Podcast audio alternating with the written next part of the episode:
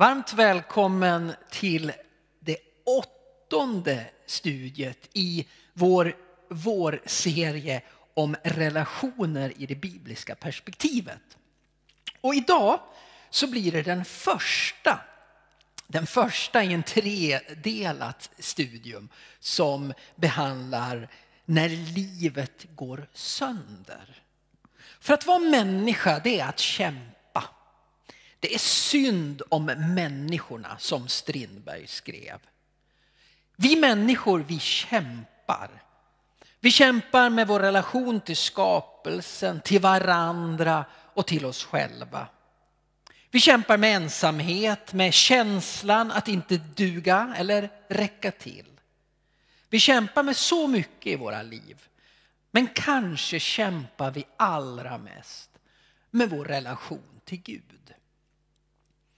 En kämpande vän till mig som heter Habakuk. Han formulerade sig så här för sisådär två och ett halvt tusen år sedan. Hur länge Herre ska jag ropa utan att du lyssnar? Kalla dig till hjälp mot våldet utan att du griper in. Varför låter du mig bevittna ondskan? Hur kan du åse förtrycket?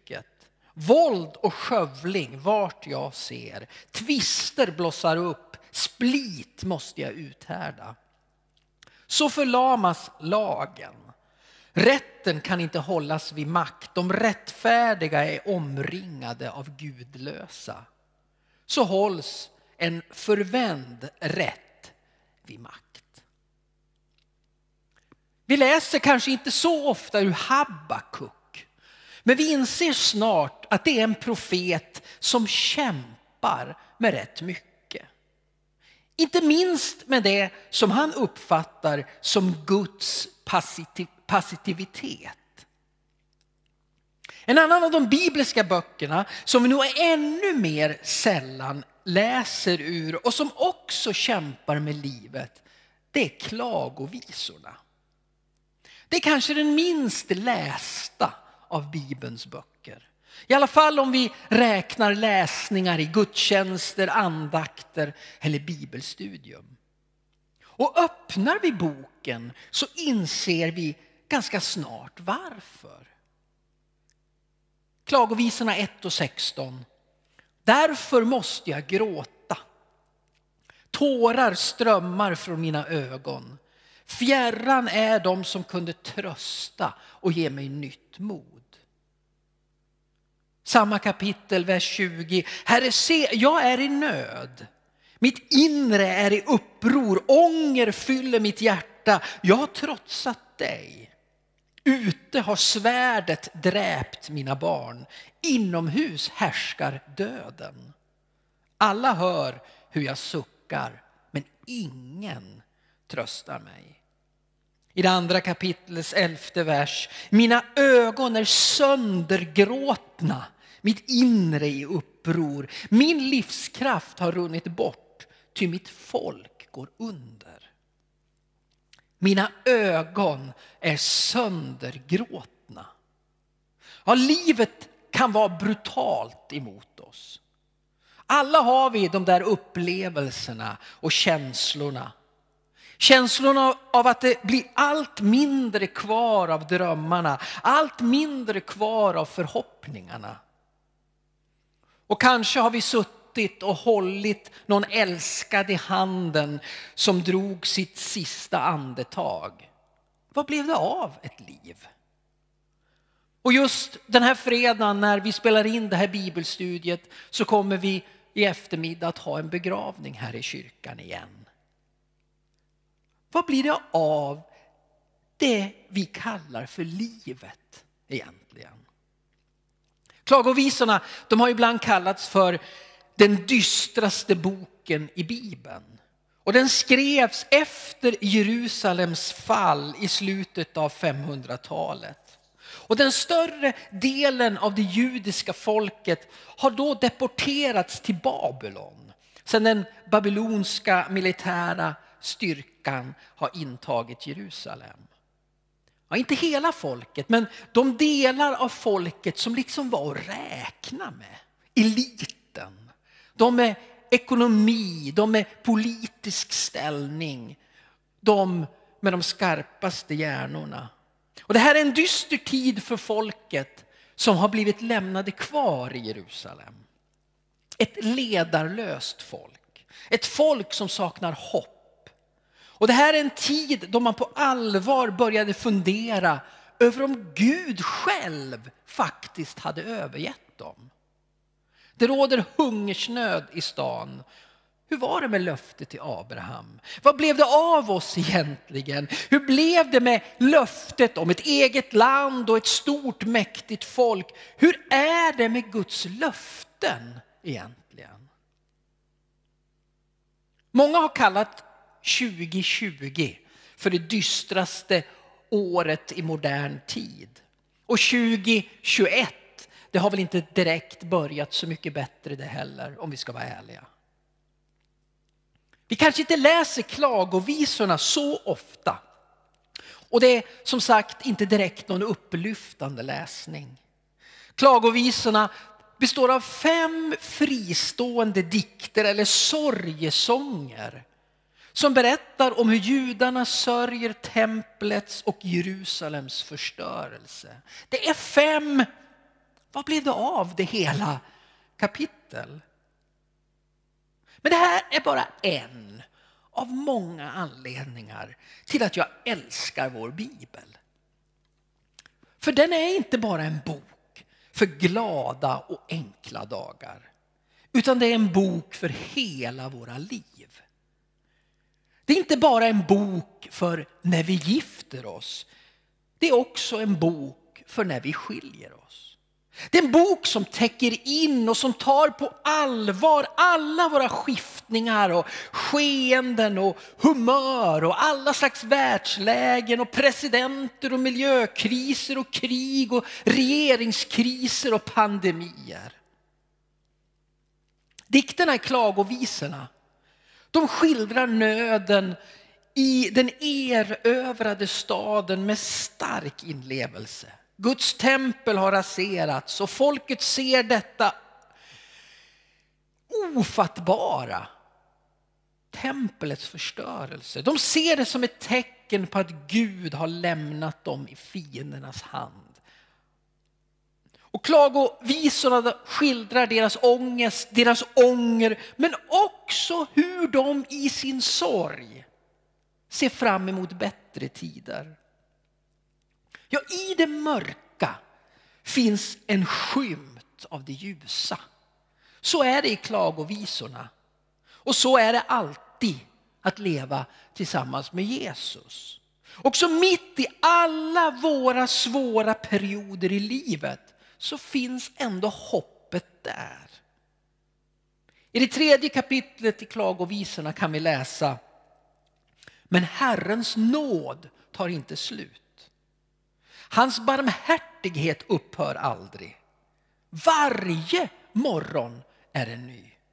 Stor är din trofasthet. Min andel är Herren, det vet jag, därför hoppas jag på honom. Herren är god mot den som kommer till honom, mot den som sätter sin lit till honom. Det är gott att hoppas i stillhet på hjälp från Herren. Ja, hoppet finns där, ständigt närvarande. Även i det mest nattsvarta mörker, för vi tror på en frälsare. En frälsare som ju till och med har besegrat människans allra svåraste och största fiende, döden. Så oavsett hur du ser fram emot din framtid med tillförsikt och glädje eller med fasa och oro så glöm aldrig att Gud går vid din sida. Men Herrens nåd tar inte slut. Hans barmhärtighet upphör aldrig. Jag försökte för några år sedan, utan framgång ska tilläggas, att mynta ett nytt uttryck i svenskan. Habakukdag. Barnen de har hostat sig genom natten. Bilskrället det startar inte på morgonen. Och sen missar du bussen. Brynäs har precis förlorat mot Rögle. Vi får feber när vi kommer hem från jobbet och hustrun snarkar. Ja. En riktig Habakuk-dag. Hur länge Herre ska jag ropa utan att du lyssnar? En sån där dag vi har dem allihopa. Vi har dem allihopa regelbundet. En sån där dag när Gud känns långt borta. Det skulle kanske lika gärna istället för att vara en Habakuk-dag ha varit ett försök till en egen klagovisa. Men en sån där klagovisedag, är man nära eller långt bort ifrån Gud då? Ja, det är frågan. Det finns en barnsång som man brukade sjunga förr i söndagsskolan när jag var barn. Nu tar vi spårvagnen som går till himlen. För Gud han är chaufför och Jesus konduktör. Och så kommer det, det går så lätt, lätt, lätt när man är frälst, frälst, frälst. Och vad gott om det vore så. Men livet är ju inte sånt. Det hade ju varit käckt att försöka trösta folket som led hungersnöd och svalt i Jerusalem i klagovisorna med den här barnsången. Det går så lätt, lätt, lätt för den som är frälst, frälst, frälst. Och jag har många gånger gått, eller under många år gått, med den här oroande, gnagande känslan här inne. Vad har hänt? Majoriteten av de vänner som jag växte upp tillsammans med i kyrkan har numera helt slutat att engagera sig i en kyrka. Och man säger kanske inte så mycket direkt till mig, men, men jag hör det genom raderna. Genom vänners röster och andra som jag möter i samma situation. Där de undrar, Patrik varför håller du på med det där fortfarande?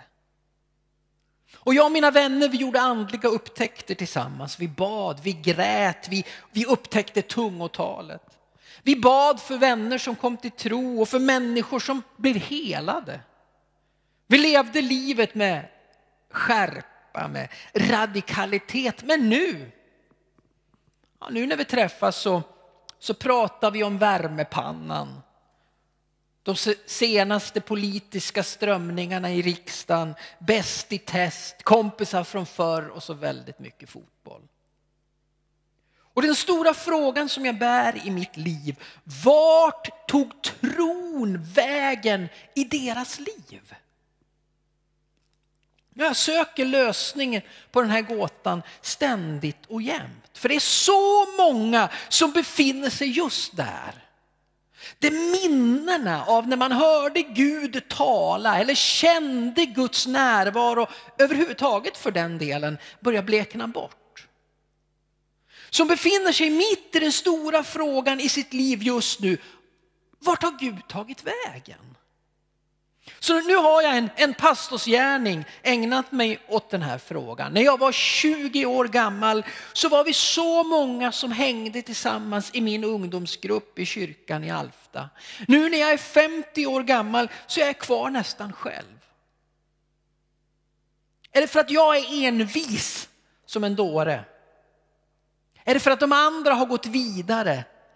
Varför, varför har så många lämnat? Och jag vet att det aldrig någonsin finns enkla svar på svåra frågor. Men en anledning kan vara hur vi som kristna har hanterat Habakukdagen.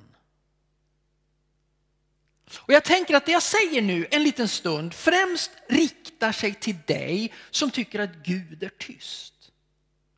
Du tycker kanske att det är svårt att tro och du känner inte längre Guds närhet på samma sätt som förr. Och när du läser en bibel så ger det inte direkt någonting. Det är kanske torrt som fnöske. Och gudstjänsten, om du nu går på en sån, den sitter du mest med av som en plikt och bön. Ja, det känns totalt dött och meningslöst. Du lever trosmässigt kanske i en konstant Habakuk-dag mardröm. Och alla runt omkring de tycks liksom prata om hur Gud är kärlek. Och du undrar om det där med Gud bara är en kärlek för dem som inte har någonting bättre för sig. Alla pratar om hur god Gud är och du undrar om Gud är överhuvudtaget. Var är du Gud? Varför är du så tyst? Och kanske är det någon som lyssnar på det här bibelstudiet av just den här anledningen. Att få uppleva Gud igen, att få höra någonting.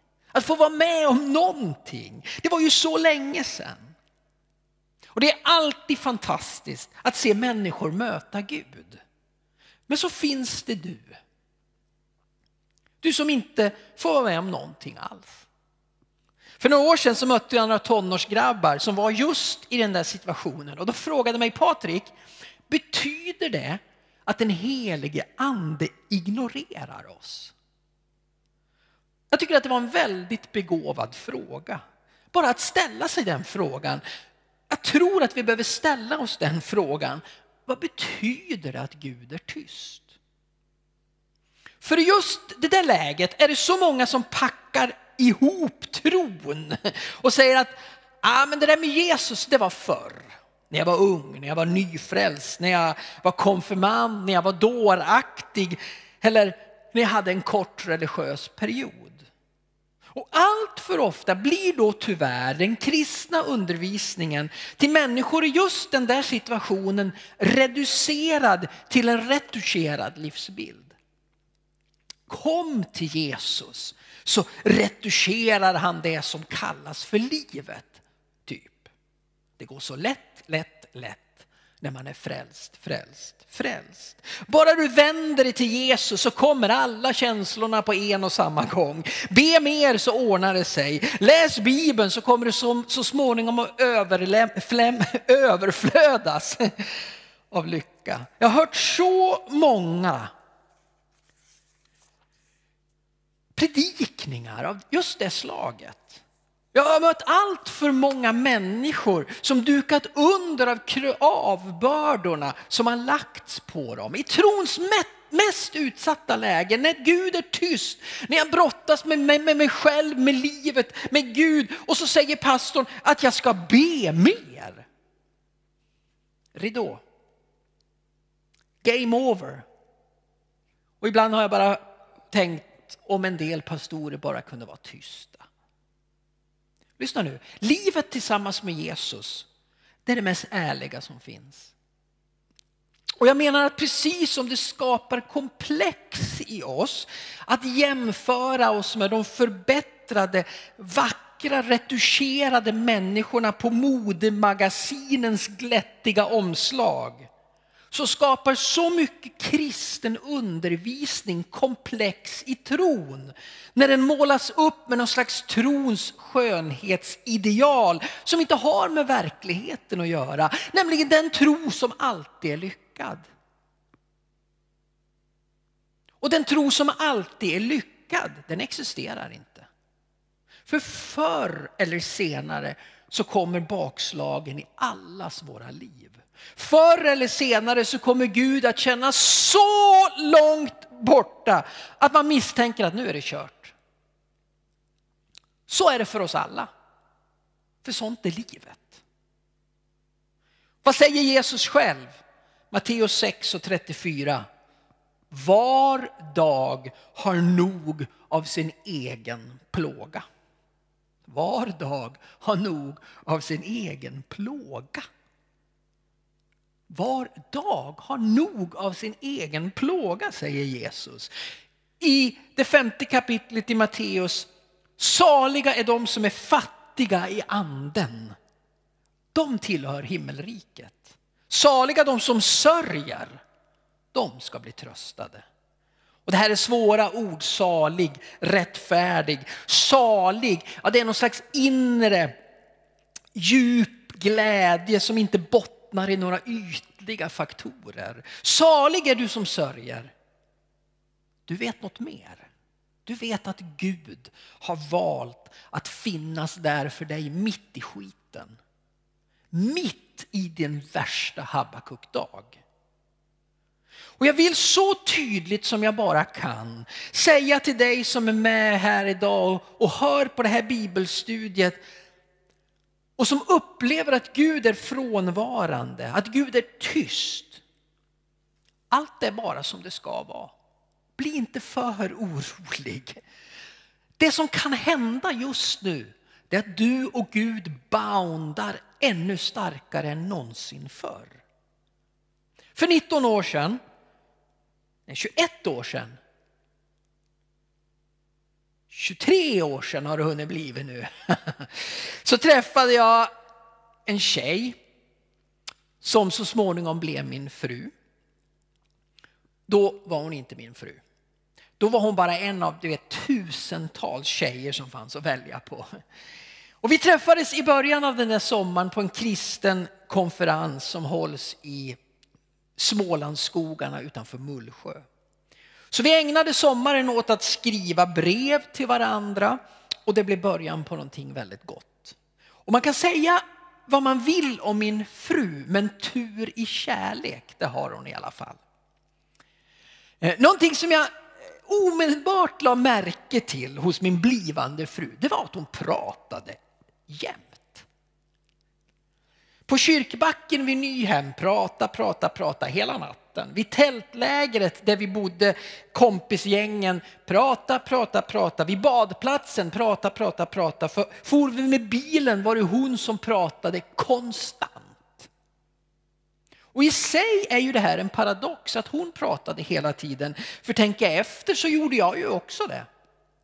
Mest hela tiden faktiskt, om allt det som var jag, allt det som betydde så mycket för mig, allt det som jag gillade, skivorna, filmerna, vännerna, intressena. Ni vet det där pratet när man känner på varann. Så båda två pratade vi och båda två hade vi en ständig eh, konversation. Idag så kan vi sitta i timmar i bilen utan att säga ett enda ord till varann. Milen och timmarna de bara liksom tickar på i tystnad. Med åren, med tiden, så vet vi vad vi har varann. Vi har lärt känna varann och vi kan slappna av i varandras sällskap utan att ständigt behöva kommunicera så mycket. Och jag tror faktiskt att det finns en parallell till detta på trons område. För vad är det som händer med en relation med tiden? Och jag skulle utan att tveka, och jag tror dessutom att du köper mitt resonemang, jag skulle utan att tveka säga att jag älskar min hustru mer idag, 23 år senare, när vi sitter tysta i bilen än då, när vi babblade på. Närvaron, inkännandet, Förståelsen skapar kärlek som håller också när det stormar. För det kommer ju att storma. I alla relationer så stormar det. Vårt äktenskap, mitt och Mias, det, det stormar då och då när min fru helt utan anledning skäller på mig. Relationen med Gud, den stormar när, när Gud handlar som Gud och jag blir Ja, för mig är Gud ju ibland helt obegripligt korkad. Eller kanske när jag går mina egna vägar som jag vet att Gud inte tycker om, men jag går dem ändå. Men de här stormarna, de reder vi ut. Både i äktenskapet och i min gudsrelation. För vi har funnit en djupare gemenskap än bara det går så lätt, lätt, lätt. Och tänk på hur en människa som precis har funnit Jesus beter sig. Det är samma mönster, det är samma, samma sätt som hos en nykär människa. Och det är ju precis vad det är här. Det finns något fräscht, det finns något skönt, det finns något gott, det finns något avundsvärt med den där första kärleken. Den är underbar. Den sätter hormonerna, hormonerna i spratten den skapar känslor, den levererar liv. Det är någonting man kan längta tillbaks till. Men den håller inte för särskilt många stormar. För att stormen ska klaras av med livet fortfarande i behåll så gäller det att man har byggt ett ordentligt skydd för relationen. Och det är just här som tystnaden från Gud kommer in, märkligt nog. Det är där som rötterna växer. Det är där som tron får sin verkliga styrka. När vi köpte vårt sommarställe för många år sedan i Ockelbo så satt vi den första våren och följde en fascinerande syn vid vårt äppelträd. Det var två gråsparvar som for fram och tillbaka utan att vila. Vi kallar dem för Klara och Knut. I trädet så hörde vi lite pip och, och så de här två fåglarna som for utan vila fram och tillbaka och hämtade mat och så tillbaka in i trädet för att fylla de aldrig mättande små fågelungemagarna. För i trädet så fanns det en kull. Säger man så om fågelungar? Det fanns ett antal fågelungar som var för små för att kunna göra annat än att pipa och gapa och ta emot maten och äta. Full service, all inclusive. Klara och Knut de, de jobbade ständigt. Men till slut, vid någon tidpunkt den där sensommaren, så blev det dags för fågelungarna att flyga själv. Knut och Klara de puttade ut dem ur boet, bort ifrån bekvämligheten, bort ifrån tryggheten och sa okej okay, ungar, nu är det dags för er att flyga själva. Annars kommer ni aldrig att växa. Ni kommer aldrig att bli stora, ni kommer aldrig att bli starka. Sommaren efter, vår andra sommar, så hittade jag fem små fågelungar i gräsmattan mattan. Ni vet sådana där som saknar päls och är blinda. De bara kravlar omkring. De hade blivit ramlat ur boet eller blivit puttade ur boet alldeles för tidigt. Och jag tittade på de där fågelungarna och insåg att det är kört för dem. De kravlade omkring där på gräsmattan och de skulle ofrånkomligt dö. Och ett tag så funderade jag på att hämta gräsklippan och bara köra över dem. Observera, jag gjorde inte det utan jag lät naturen ha sin gång. Men att komma ur boet för tidigt, det är livsfarligt. Men vid rätt tidpunkt, med goda föräldrar som vet att, att nu är det dags, så är det, så är det liksom det egna flygandet en väsentlig del i vad det är att vara en mogen fågel. Och vid någon punkt, någon gång, så kommer din tro definitivt att behöva flyga själv.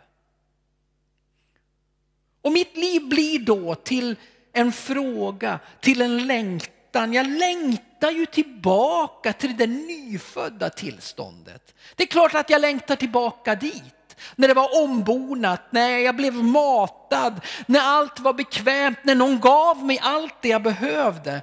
Men du som kanske nu har fått börja pröva dina vingar, oroa dig inte. Och njut av att Gud verkar kunna slappna av i din närhet. Tillåt dig själv att slappna av i hans. Ni sitter där i bilen och ni förstår varandra utan alla ord. Så kan man också förstå Guds tystnad. Hur var det profeten Habakuk skrev? Hur länge ska jag ropa Herre utan att du lyssnar? Och när jag har det kämpigt i min tro, då blir jag faktiskt tröstad när jag ser att jag inte är ensam. Att, att det liksom inte är min tro som är svag, att det inte är något fel på min gudsrelation. För Habakuk och klagovisorna och otaliga exempel i Bibeln visar ju att jag inte är ensam. Det är inte något fel på min Guds relation när jag befinner mig i mörkret. Det är snarare i mörkret som min tro växer.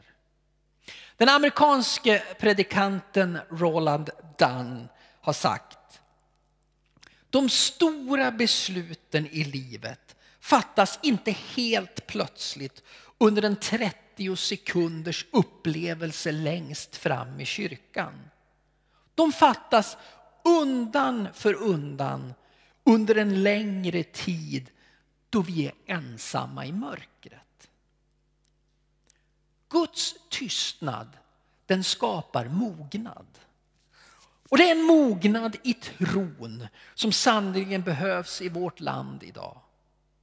Och jag inser att det som liksom är min poäng med detta första bibelstudie, det låter liksom extremt icke-lockande. Jag inser det, för på ytan, liksom vid första ögonkastet, så ville vi bara bli bekräftade, tröstas och smekas och för hundraelfte gången höra att en kristen alltid mår bra. Det går så lätt, lätt, lätt. Men jag har tänkt att det är kanske lögner som de här som är en liten förklaring åtminstone till att mina vänner har lämnat sin tro. En tro som inte höll vad någon falskt hade lovat att den skulle göra. Bara glada och bara goda dagar. Och du som tycker att du har tappat kontakten med Gud Tystnaden är inte någonting som är farligt. För om vi håller fast vid Gud mitt i hans tystnad så är det våra livs absolut viktigaste växtplats. Mycket viktigare än alla starka upplevelser, stora under eller härliga bönesvar. Så är Gud tyst, ja i sådana fall så vågar jag mig på i alla fall ett litet svagt grattis. Till slut bara, vi befinner oss just nu i fastan och vi är på god väg mot påsken. Påskens tydliga budskap är just detta att Jesus Kristus ger liv in i en döende värld.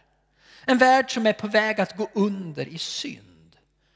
Att ge hopp där det är hopplöst. Men påskveckan kan också appliceras på våra egna personliga liv. De personliga liv som vi var och en lever. För visst är det ofta långfredag i våra liv. Det är mörker, det är oro, det är sömnlösa nätter, det kan vara ångest, det kan vara fruktan för döden, fruktan för sjukdom, för ekonomi, en rad olika saker som gör att det upplevs som långfredag i våra liv. Och ibland tänker jag som Strindberg, ja det är synd om människan. Men det finns. Och det är den kristna trons absoluta löfte. Det finns alltid en påskdag. Och det betyder inte att den kristna tron är liksom superduper prep hela tiden. Absolut inte. Den kristna människan kämpar med livet som alla andra som vi har sagt. Korset som vi ska bära säger Jesus att vi ska bära varje dag. Och varje påsk så brukar vi på olika sätt i våra gudstjänster under påskveckan följa den här korsvandringen. Genom skärtorsdagens ångest i ett semane trädgård, genom hånen och misshandeln och lidandet på korset under långfredagen. Och vi kan varje år konstatera att det var inte lätt för Jesus. Och det är inte heller lätt hela tiden för oss att bära vårt kors. Men det är den rätta vägen och det är den segrande vägen. För det kommer alltid en påskdag. Och ingen av oss kan liksom omfatta magnituden av det som hände. Men vi kan förstå att det Jesus gör på korset och det Jesus gör i graven och det Jesus gör i uppståndelsen, det är att visa en väg ut ur mörkret för alla människor, för hela skapelsen. En väg ut ur det som är nöd och sorg och sjukdom. Och så länge jag är pastor i Betlehemskyrkan i Gävle så ja, ingen vet hur länge det blir mer än Gud själv, så lovar jag att så länge jag är pastor i Betlehemskyrkan i Gävle så lovar jag att vi återkommande ska tala om just detta. Hur Jesus besegrar döden. För i samma ögonblick som en församling, en gemenskap, ja en kristen människa tappar blicken på det. På det som Jesus verkligen har gjort. På det korset ger oss som ett löfte. I samma ögonblick som vi tappar blicken på det så tillåter man också en massa annat att ta dess plats.